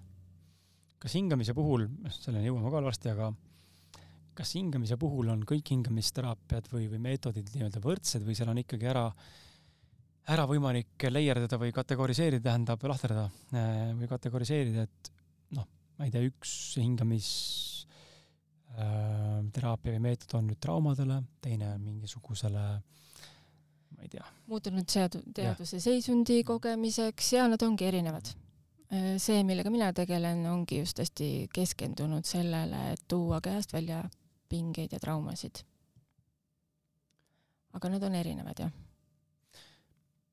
Me väga tihti räägitakse sellistes, ütleme, tervenemise protsessides, sa oled ise ka paar näidet, eks ole, oma laste puhul, mis on ka selles mõttes siuksed huvitavad ja, ja mõnes mõttes maagilised nagu lood, onju ja neid lugusid on veel ja veel, inimesed on saanud lahti jumal teab mis haigustest, inimesed on tervenenud füüsilistest vigastustest, onju, noh, me võimegi siin nimetada teada, kõik asjad juhtunud. Ehm, kui nüüd inimene tegeleb teraapiaga, Ehm, ja enda traumadega läbi teraapia siis, siis äh, inimesed võivad muutuda ja tihtipeale muutuvadki. Nüüd mul on küsimus äh, sulle selline, et äh, millised need muutused nagu tavaliselt on, kui kardinaalsed, kui palju inimene tegelikult muutub isiksusena? Ja kas seal võib olla ka selline oht, et et noh, justkui nagu läheb mõnes mõttes nagu see samm on tore ja hea, et peab tegema, saada paremaks, aga see transformatsioon on nii suur, et tal on endaga raske nüüd toime tulla, sest et ta ei tunne ennast ära. Või pigem seda ei juhtu, või alati on see, et pärast mingit trauma lahendamist, vabanemist, inimene muutub drastiliselt, aga ta tegelikult ise tajub, et nüüd ma olen nagu terviklikum. pigem, mida mina tajun, on see, et me muutume ikkagi samm-sammult mm. -hmm. ja vahel küll ma näen seda, et, et seda lugu mis inimesega kunagi juhtus, paljud armastavad jääda edasi rääkima, sest et see on kuidagi selline mingi osa neist ja nad tahaksid kuidagi, see on neil kuidagi turvaline, äh, see lugu. aga jah, et kui äh, traumadega tegeleda, siis on ikkagi soovitus nendest äh, lugudest ka lahti lasta aga mis ma tahtsin öelda veel, oli see, et nende muutuste kohta. Näiteks hingamisteraapia koolitustel äh, me näeme reaalselt, kuidas äh, nädala aja jooksul me inimestena muutume pehmemateks, kaastundlikumateks, soojemateks äh,, näod muutuvad, noh, seda on lihtsalt nii äge, äge vaadata ehm,. Mis see küsimus sul veel täpselt, täpsemalt oli, et kas, kas inimene ei pruugi ennast ära tunda? või enda uues selles muutunud seisundis võib tunda järjekordset ebamugavustunnet, kus ta peab hakkama siis kohanema uue mina vormiga või, või vastupidi, jälle võtma kellegi appi endale või hakkama praktiseerima mingit asja, mis aitab tal paremini kohaneda või jah, selliseid asju ma väga palju pole ise mm -hmm. isiklikult äh, kohanud, et, et oleks nii suuri probleeme. vahel on küll mm, pärast seansse mõnel inimesel tervenemiskriis ähm, see on täiesti normaalne nähtus, et vahel on peale intensiivseid seansse keeruline olla mm. -hmm. mulle on räägitud, kuidas, äh, kuidas terve päev on noh, üks naisterahvas näiteks rääkis, et ta magas mitu päeva, keha enam seda crap'i, mida enne ta sõi, ei tahtnud tahtis tervislikku toitu. ma ütlesin, aga see on ju väga hea nii et äh, jaa, neid tervenemiskriise tuleb ikka ette äh,, aga need on lühiajalised mm. -hmm. vaata, ma olen pannud ühe küsimuse siia potentsiaali kohta ka. tahaksid sellest ka korra rääkida? potentsiaalist? No räägime okay,. räägime. küsimus on nagu, sellest potentsiaalist on palju räägitud ja mõnes mõttes ta läheb, eks ole, kokku ka võib-olla traumade vabastamisega või, või ütleme siis läbi erinevate meetodite enda, enda tegeliku olemusele või, või tugevustele lähemale liikumisega. aga et kui palju sina nagu näed seda ja kuidas sa üldse teed seda võib-olla, kui sa töötad inimestega ja tahad jõuda inimestel või aidata inimestel jõuda nende tervik- või täispotentsiaalini, tegeliku olemuseni, tugevusteni et äh, mida see üldse tähendab sinu jaoks, sellise potentsiaali äh,, ma ei tea, potentsiaalini jõudmine või potentsiaali avastamine või selle tap into on ju, sellesse sise, sisenemine nii-öelda. ja, ja kuidas, kuidas teraapia käigus on võimalik inimesel seda esile tuua või sinna jõuda? Äh, teraapia aitab inimesel leida kontakti iseendaga mm. -hmm. sest et mis traumade puhul juhtub ja meil on neil, neid kõigil endal ähm, ja neid on noh, see ei ole niimoodi, et meil on ainult üks suur trauma, eks ju, ja mõnel ei ole üldse. Et noh, meil on ne, neid kõigil. Ja, ja, ja mina näen seda, et see ongi selline, see on, noh, see, see on protsess, et noh, me ei saa mõelda ka niimoodi, et okei okay,, kui ma nüüd selle ühe traumaga ära tegelen, noh, nüüd ma olen täiesti teistsugune inimene, onju, et, et me kasvame pidevalt inimesena ja, ja mulle meeldib mõelda sellest äh, traumatööst natukene ka nagu sibula koorimisest, et äh, me erinevaid, koorime endalt nagu natukene selliseid erinevaid kihte maha. ja aga mõte on ikkagi selles, et saada kontakt oma, oma sisetundega, saada mhm. kontakt tõeliselt iseendaga ja siis, kui see kontakt on olemas hakkab see teekond äh, pot-, potentsiaali mõttes lahti rulluma ise.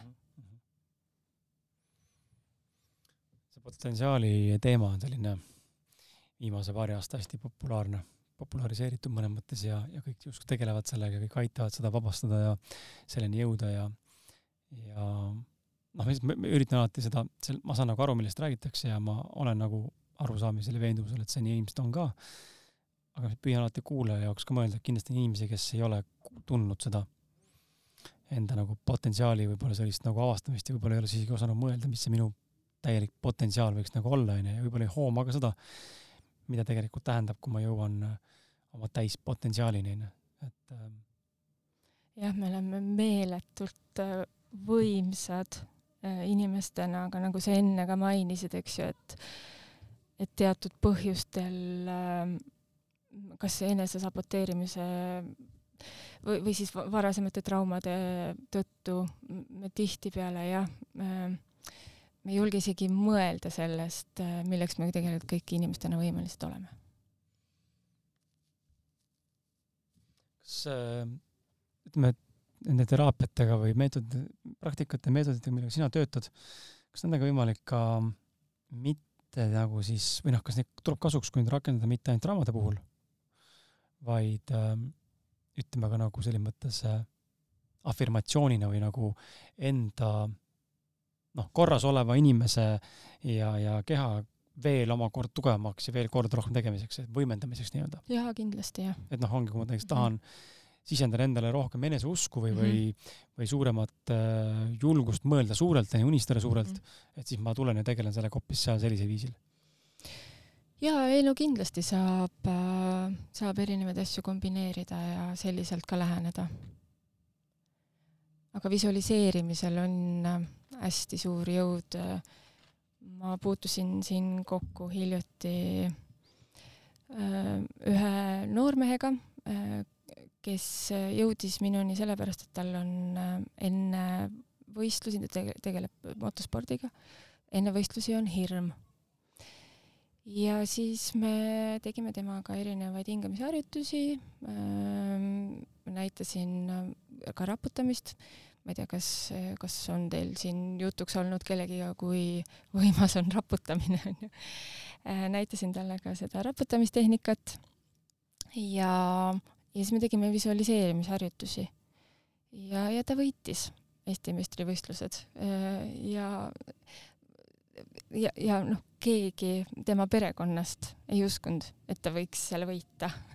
nii et, et äh, see näitab jällegi selliste lihtsate asjadega nagu hingamisharjutused, raputamine ja visuaali-, visualiseerimine, selliste väikeste asjade jõudu muidugi siinkohal tasub igaks juhuks rõhutada ka, et see ei tähenda, et siis noormehel endal ei ole oskust tegelikult ka sinna meistriks tulla, onju. ei, absoluutselt.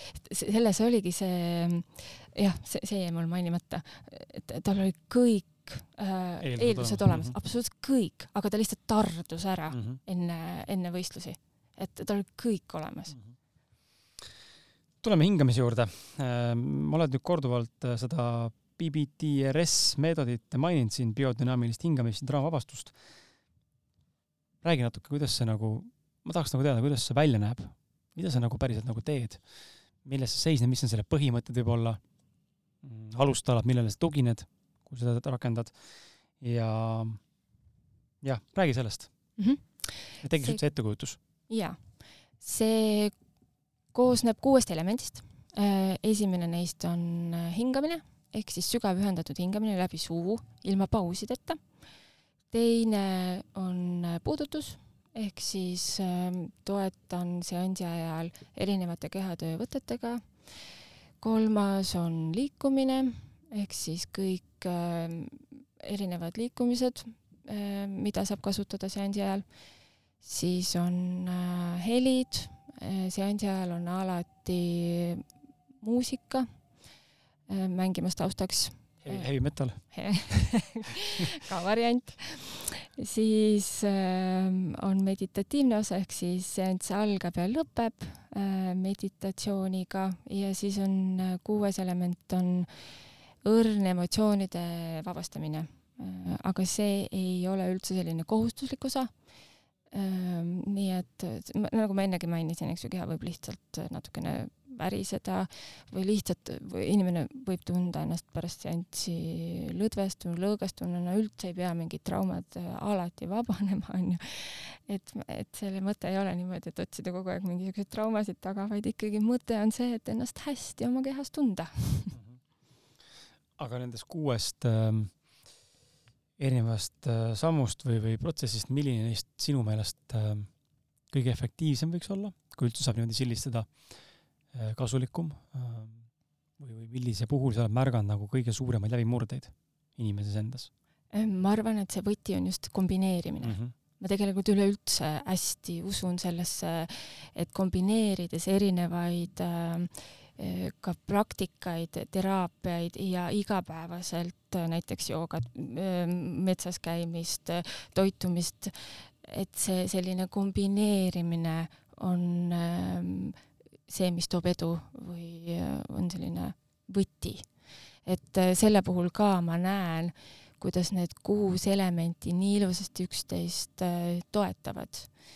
vahel tõesti aitab see puudutus hästi äh, hästi kaasa, vahel toetab muusika, et selles mõttes ähm, äh, et jah, jällegi koostöös. Kui rääkida muusikast, siis mis muusikat sa lased inimestele ja kas sa usud seda, et äh, või on sul äkki olemas tõestus ja kogemus, et erinev muusika mõjub erinevalt? jaa, mõjub. Äh, mu playlist'id on, ongi äh, erinevad, no selles mõttes, et seal on kombineeritud erinevat muusikat äh,, ma ei tea äh,, klassikalist, šamin-, šamanistlikku muusikat, lihtsalt rahustavat et noh, neid žanre on erinevaid ja nad aktiveerivadki keha meil erinevalt. Ehk siis mõne draama puhul või mõnes situatsioonis või olukorras võiks vabalt lasta inimesele kas siis hip-hopi, räppi või heavy metalit või, või see ikkagi on selline pigem need, need ja veel mingid muud muusika siis ütleme kategooriad või need äh, žanrid äh, ei sobi lihtsalt sellises vormis meie jah, teraapias kas, kas või instrumentaalina, ilma, ilma lüürikata siis äh,? instrumentaali, instrumentaalina võiks veel töötada, aga ma ei ole isegi kasutanud ise. noh, meil on ka see kuidagi, meile on õpetatud seda, et äh, see muusika peab hästi sulle endale sobima, nii et ähm, nii et kuidagi jah, ma töötan sellise muusikaga, mis, mis mind toetab ka mm. -hmm ja kui mina tulen kliendina sinna ja soovin, et mul oleks äh, hip-hop, räpp, instrumentaal, siis, jaa, vabalt siis leiab, vabalt leiab okay. kindlasti leiab mm, okei okay. ähm.. see hingamine on selles mõttes huvitav teema, et ähm, ma ei ole ise kogenud. Pole sellele kunagi mõelnud ka niimoodi, sest palju räägitud noh, tänu podcaster'ina olen ma kokku puutunud paljude inimestega, kes on hingamisterapeudid ja kes sellest on rääkinud, selle võlust, sellest äh, olulisusest. ise kogenud ei ole. ja ma kujutan ette, et paljud inimesed samuti ei ole ähm,. et aga lahe vaadata, sa ei näinud selja tagant, inimesed väljapoolt ju vaatavad siia sisse meile, onju. Nad ei tea, et siin sees keegi tegelikult on, sest et väljapoolt sisse ei näe, kui sellest väga lähedale ei tule. et nii tore on mõnikord näha, kui keegi tuleb siia täpselt akna ette ja mukib ennast või sätib ennast või vaatab sisse, onju, sellise huvitava näoga ähm,. et järgmine kord, kui siit mööda kõnnite, väike vaheteemana ka, me oleme Nordic Hotelli ees siin Ruumum stuudios, et kui mööda kõnnid siit, siis tea, et tõenäoliselt, kui sa siia ennast peeglist vaatama tuled, sättima tuled, siis väga suure tõenäosusega võib olla siin sees ruloo üleval, meil üldiselt on all, aga praegu näiteks on mul üks ruloo üleval, ma näeks natukene seda õues sadavat lörtsi, siis äh, tea arvestada, et äh, keegi võib siin sees vaadata ja huvitav on, tead mis alati, alati tullakse siia, kus ruloo on üleval. mis on hästi huvitav, onju, ta tuli täpselt siia ette praegu aga võib-olla sa lihtsalt ei näe. jaa, see on see koht, ma ei näe, onju, et see tõenäoliselt ka see, keegi tuleb sinna ka, onju. aga millegipärast alati keegi lõpuks tekib siia, onju ja ei lähe kunagi siia äärde või kuskile siia, vaid alati nende kahe keskmise akna juurde. hästi huvitav. aga jah, see hingamise teema, et, et äh, ma ei, ma ei, ma ei oskagi seletada, mul on seal mingi mingi aga või? jaa, mingi aga on seal, ma ei oska seletada, isegi seletada, mul on veel äh, sarnaste asjadega näiteks äh, võib-olla see raputamine on üks niisugune või midagi sinnasamasse kanti mm, -hmm. hästi kehaline äh, tegevus. kuidagi tunnen, et mulle ei, ei sobi see, ei mhm. meeldi mm, -hmm. mul tekib tõrge mm, -hmm. nagu tohutu tõrge tekib mm. -hmm. Ähm, see, no siin on kaks varianti, kas see polegi sinu jaoks või see on tõrge, millesse vaadata see on mõlemat ja võin sulle öelda, kus see, ma arvan, see te-, kus see tekib, ma arvan. ma arvan, et sa nõustud minuga, et see võib olla üks põhjus. ma olin äh, teises klassis, äkki kolmandas mm oli koolidisko, onju. tantsisin seal tüdrukute, poistega, kuidagi lapsena nagu sa seal teed mingeid imeliigutusi, onju. Äh, ei olegi nagu tantsu moodi, pigem jooksed, onju, teed seal asju. aga vahepeal oled ringis ka tantsid, onju. Ja siis mäletan, üks tüdruk aasta vanem irvitas mu üle. onju, mingi liigutuse pärast. see ei olnud üldse mingi imelik liigutus, ma ei teinud seal kätekõverdusega midagi, lihtsalt tattasin ühelt jaolt teisele kuidagi ja ma täpselt ei mäleta, aga mul on siiamaani meeles see. ja mäletan, tol hetkel ma sealt tardusin korraks seal äh, sellel peol ja pärast seda ma olen vanemas eas avastanud, väldin tantsimist mm. -hmm. ma jälestan mõnes mõttes tantsimist mm. -hmm. mul isegi ei paku see huvi mm. -hmm. Mulle meeldib vaadata, kuidas inimesed liiguvad, liigutavad ennast, eriti kui ma vaatan just ütleme siis hip-hop žanrit, tantsitakse, tantsitakse sellist nagu võib-olla ainult nagu dünaamilisem, mitte klassikat, aga mingisugust äh, võistlustantsustiili, need mulle ei meeldi, aga mulle meeldib vaadata, kuidas inimesed teevad nagu hästi selliseid äh, teatud stiilis tantse, vaatan Youtube'is, ma naudin seda, naudin muusikat mm, -hmm. mul on väga hea vaist muusika tunnetamisele, kuulamisele, bassbeat'id, kõik need alam-, ülemhelid. mulle väga meeldib muusikat nautida. aga vot tantsimise vastu mul on mingisugune selline. Tõrge, tõrge, trots, siuke viha isegi, ma mõtlesin, et ise nagu kunagi tahaks teha. ja seal on häbi taustal. ma tunnen, noh, ma tajun seda, onju, ma saan aru, sest ma olen piisavalt palju eneseteadlik ja ma näen, suudan endaga tööd teha sellel viisil. ma näen, et seal on nagu selline valu, häbi, onju ja nüüd on ka tekkinud see teadmine, ma olen puujalg nagunii, onju, mida ma ka olen, pole praktikat saanud, vaata, onju. et ma arvan, et see on sealt tulnud, mingi mõjutus sellest perioodist mm. -hmm, no, tundub nagu loogiline. jaa, väga loogiline. Et äh, aga okei okay,, aga kuidas siis sellega tegeleda? pean tulema ennast raputama või mis see nagu lahendus on siis?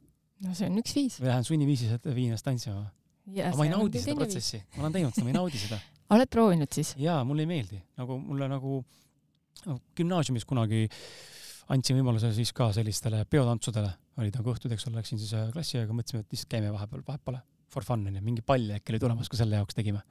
no täis puujalg ja mulle ei meeldi, ma ei naudi üldse seda muusikat sellisel viisil, kui siuke muusika on. aga see segab su elu? Ei.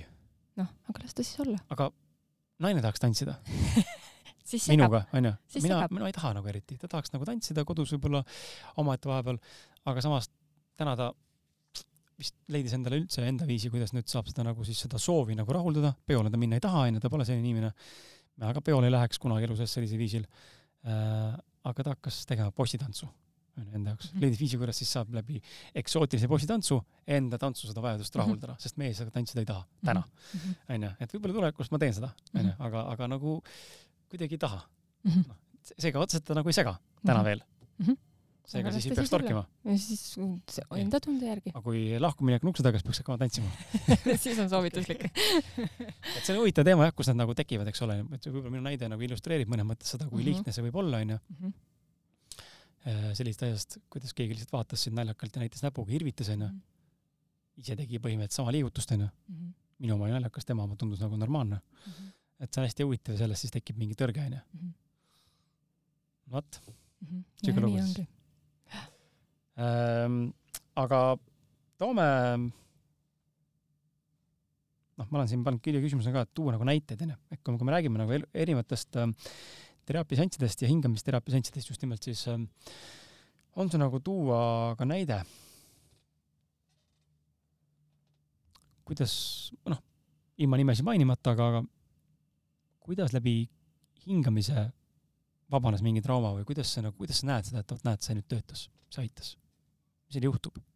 Okei okay, sa mainisid vahepeal siin seda et keha võib hakata värisema onju tuleb mingisugused reaktsioonid on inimese kehas füüsiliselt ähm, mõni tahab nutta onju või võib- võib-olla tahab üldse naerma hakata onju või üldse liigutamist hakata aga kuidas seda veel nagu tuvastada et vot näed me nüüd jõudsime kuskile selle hingamisega see, kui sa ikkagi tunned ennast oma kehas paremini ja, ja oma elus ka mm, julged teha mu- muutusi oma elus või, või äh, realiseerida mingisugust potentsiaali oma elus.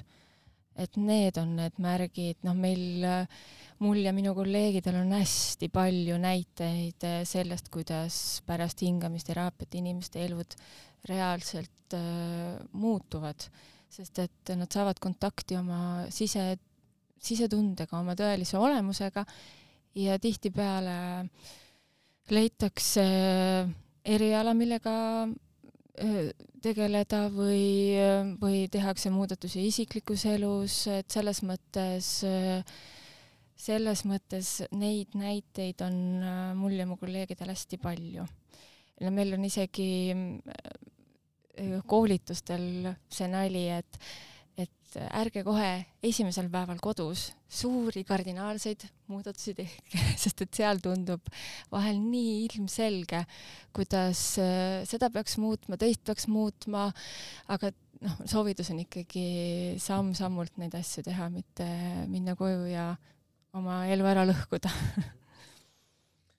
tavaliselt võib olla ka see, et kui sul on ka partner, eks ole, kes nüüd sind näeb nagu muutunud teadusseisundis onju või nagu teistmoodi käitunud ja Mhm. muutunud onju, siis see võib ka tekitada ikkagi ju pingeid ja tõrkeid ja tegelikult ka mõnes mõttes võib-olla ekstreemses olukorras lahkuminekuid, sest et sa oled nagu muutunud inimesena ja tema võib-olla ei ole valmis selleks, et sa oled muutunud.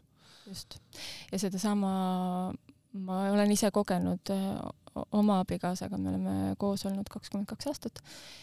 ja see oli, see on see, mis meiega vahepeal juhtus, et äh, minu jaoks mingisugused asjad enam ei olnud aktsepteeritavad üldse, mingisugused äh, käitumised äh, ähm, ja, ja võib-olla ühesõnaga ja, ja meiega juhtus jah see, et äh, ma üt- ma ütlesin mõned aastad tagasi, et äh, see, me ei saa enam koos edasi minna.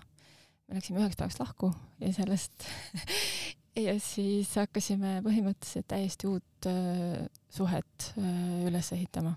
Aga kuidas see, ütleme siis, stabiliseerimine toimub siis, et saadad partneri ka teraapiasse või, või kuidas see nagu on, et annad, annad, annad üksteisele aega ikkagi või, või kuidas seda nagu jah, meie puhul oligi see, et tal oli endal hästi suur motivatsioon endaga tegeleda. nii et äh, ta saat-, sattus,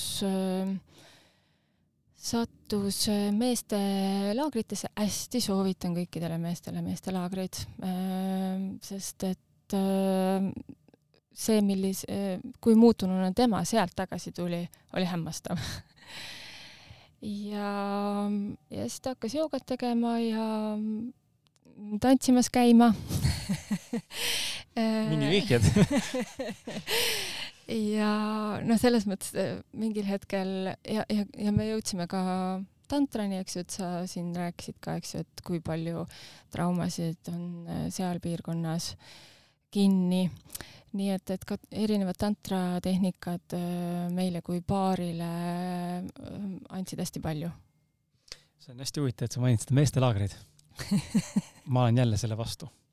ja, ja mitte nagu halvaga selle vastu, selles mõttes, et mul ei ole midagi selle vastu, inimesed käivad seal. aga ma ei tunne ise üldse nagu sellist hundikarja nagu vajadust. ja ma olen nagu siin saates ka, ei mäleta kellega me rääkisime alles hiljuti, rääkisime sel teemal. et äh, väga palju mulle soovitanud seda, väga palju on kutsutud nende inimeste poolt, keda ma ise nagu isiklikult väga hästi tunnen. et tule mulle laagrisse, vaata, seal on mehed koos, räägime juttu, saad nagu pereelust eemale onju, mis iganes veel need noh, erinevad põhjused nagu luuakse siin onju, miks nagu võiks vaadata see poole. aga ma olen sihuke nagu, ma ei oska seletada, mul ei ole vajadust sellise nagu meeste karjäärile. ja ma olen nagu näinud seda juba kaheksateistkümnendast, üheksateistkümnendast eluaastast, et mul ei ole nagu vajadust. ja ma isegi ei naudi nagu sellist protsessi, et kui ma, no me oleme naisega ka üle kümne, üle kümne aasta koos olnud ja ma ise näen ka meie suhe suhte tugevus on olnud äh, väga suuresti üks põhivundamente on see, me teeme kõik koos, me areneme ja kasvame koos. nii kui mingi uus valdkond tekib, noh, meil kuidagi mõlemal loomulikult on ka intuitiivselt huvi selle asja vastu. on kindlasti asjad, mis ei huvita üksteist, eks ole, või mõlemad, noh, ilmselgelt ma ei lähe bossitantsu koos temaga tegema, sest et tema teeb, onju, seda huvi ei teki, onju, või ta ei tule minuga Playstationi mänge mängima, sest minul on see huvi, onju, tal ei ole, onju, okei okay,, fine. Äh, aga suures osas enesearengu mõttes alati on niimoodi, et kui mingi uus info tuleb, me koos mm -hmm. seda avastame ja koos nagu vaatame, onju. või mingi loeng kuskil, eks ole, või mingi koolitus, siis kui vähegi võimalik on, koos alati lähme. see on hullult palju aidanud meid ja ma tean, et kõigi puhul see ei pruugi töötada, suhted on nii erinevad, eks ole, inimesed on erinevad, aga meie puhul töötab ja mul on tunne, et me mõlemad, noh, kuna tal ka eriti sõbrannased sellisel viisil ei ole, praktiliselt ei olegi, ta ei käi kuskil samamoodi niimoodi sõbrannatamas ja mina ei käi nagu sõbratamas niimoodi.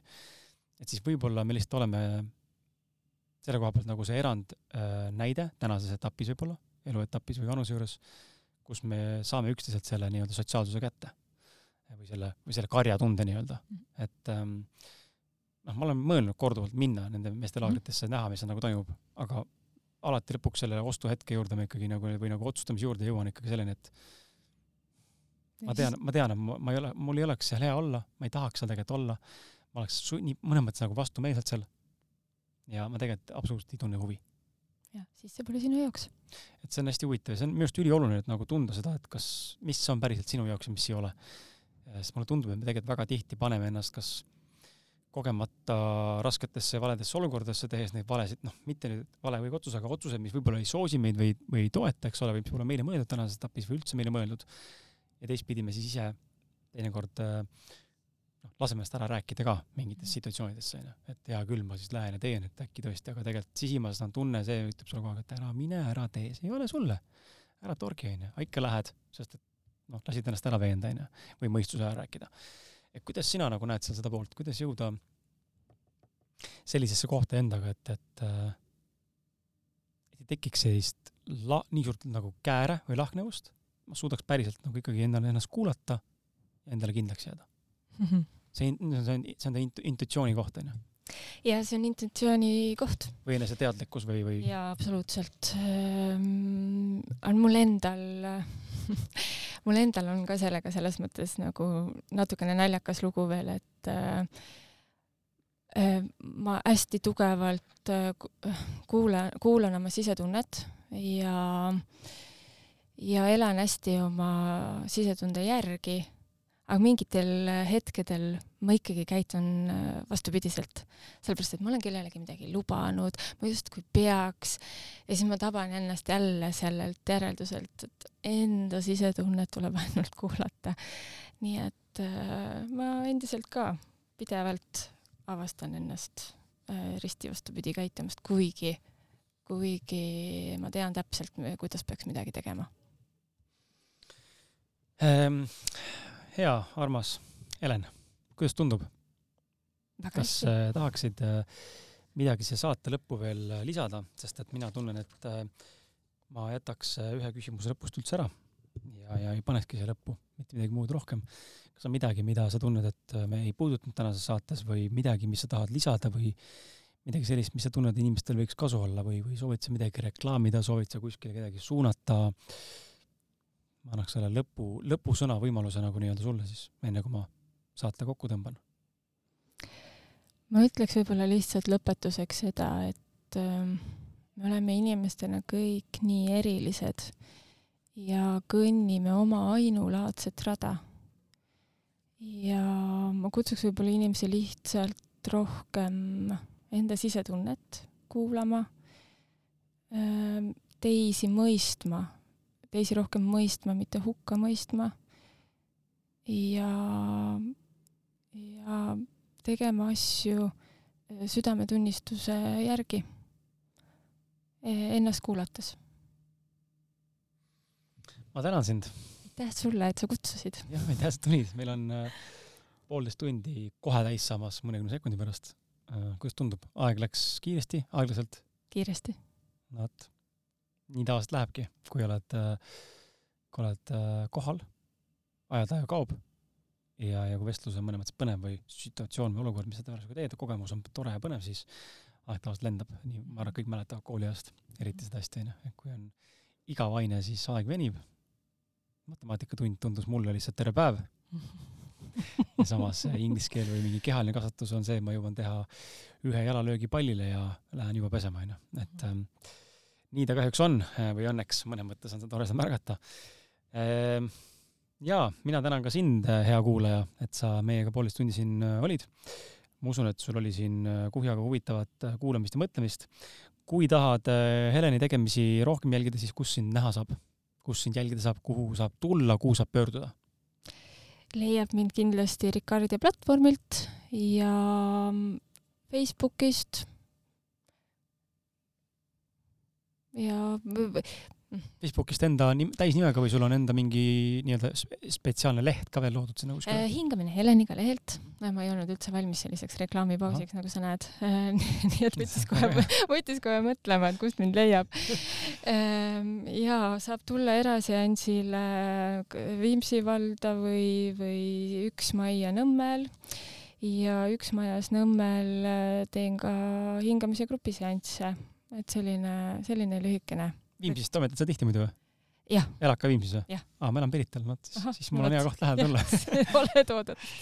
okei, aga ma tänan sind veel kord ja, ja oli tore. jah, mul oli sinuga ka tore. aitäh teile, head kuulajad, kohtume teiega järgmises äh, episoodis ja senikaua mine kuula kõiki eelnevaid kahtesada kuutkümmend pluss episoodi ka, nii et äh, tšau-tšau